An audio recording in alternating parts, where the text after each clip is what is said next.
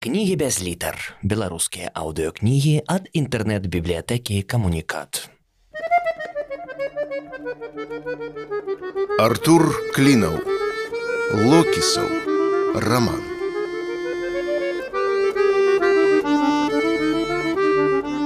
Глава пятая.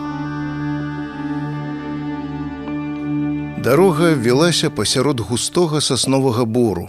У глыбіні, наколькі можна было бачыць, ляжалі паваленыя камлі старых дрэваў.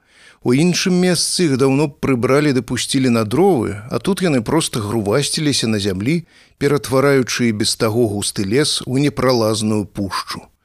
На душы было паскудна. Планы Локісава на вачах рассыпаліся. Давернай асобы, з якой ён дамаўляўся аб сустрэчы, не аказалася дома – На пытанне, калі ён вернецца, жонка адказала, што з'ехаў надоўга, будзе позна ўначы.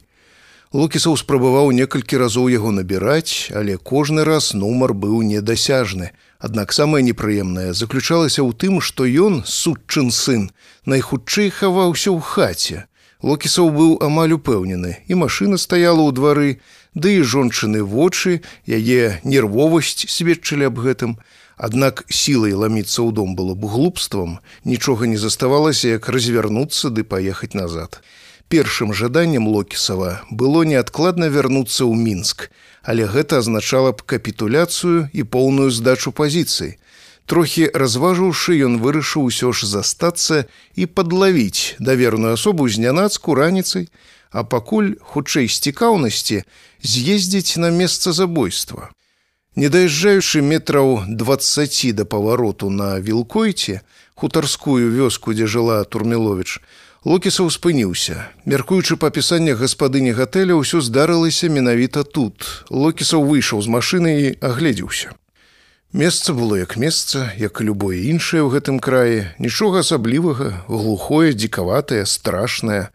Паабапал дарогі стаяў такі самы густы, непралазны праз мноства паваленых дрэваў лес, Локісаў паспрабаваў удаць сябе пуаро і пашукаць доказаў, але нічога надзвычайнага не заўважыў. Калі б ён трапіў у які-небудзь дагледжаны лес пад мінскам, то можа і ўбачыў бы паламаную галінку, якая паказала б след забойцы. Аднак у гэтым барочным гушчары паваленых камлёў і паламаных галінак нешта шукаць было бессэнсоўна. Нават слядоў крыві ён не змог знайсці пасярод пажухлага лісця. Зразумеўшы, што яго следства зайшло ў тупік, Локісаў сеў машыну, але паехаў не ў пасёлак, а далей у бок лакаварці. Дарога ўсё далей сыходзіла ў лес, рабілася ўсё вузейшай, вузейшай. Галіны цяпер чапляліся за бакі, білі па шыбах. Часам машына давала нырца ў глыбокую яму з вадой, але локісаў паддаваў газку і разам за разам паспяхова з яе выкараскваўся. Нарэшце, праехаўшы гіганцкі мурашнік, прырослы да велічэзнай сасны, ён убачыў невялікую пляцоўку для развароту і вырашыў, што лепш пакінуць машыну тут, а далей пайсці пешшу. Неўзабаве зямля пачала правальвацца под нагамі. Локісаў зразумеў, што набліжаецца да багны. Гэта было тыповае верхавое балота, якое нібы з ніадкуль узнікала пасярод лесу, дакладней працягвала яго, зводзячы за сабой чым далей, тым больш чэзлыя сасёнкі. Прайшоўшы яшчэ крыху, ён адчуў, што чаравікі набралі вады. Каб ісці далей патрэбны былі гумовыя боты.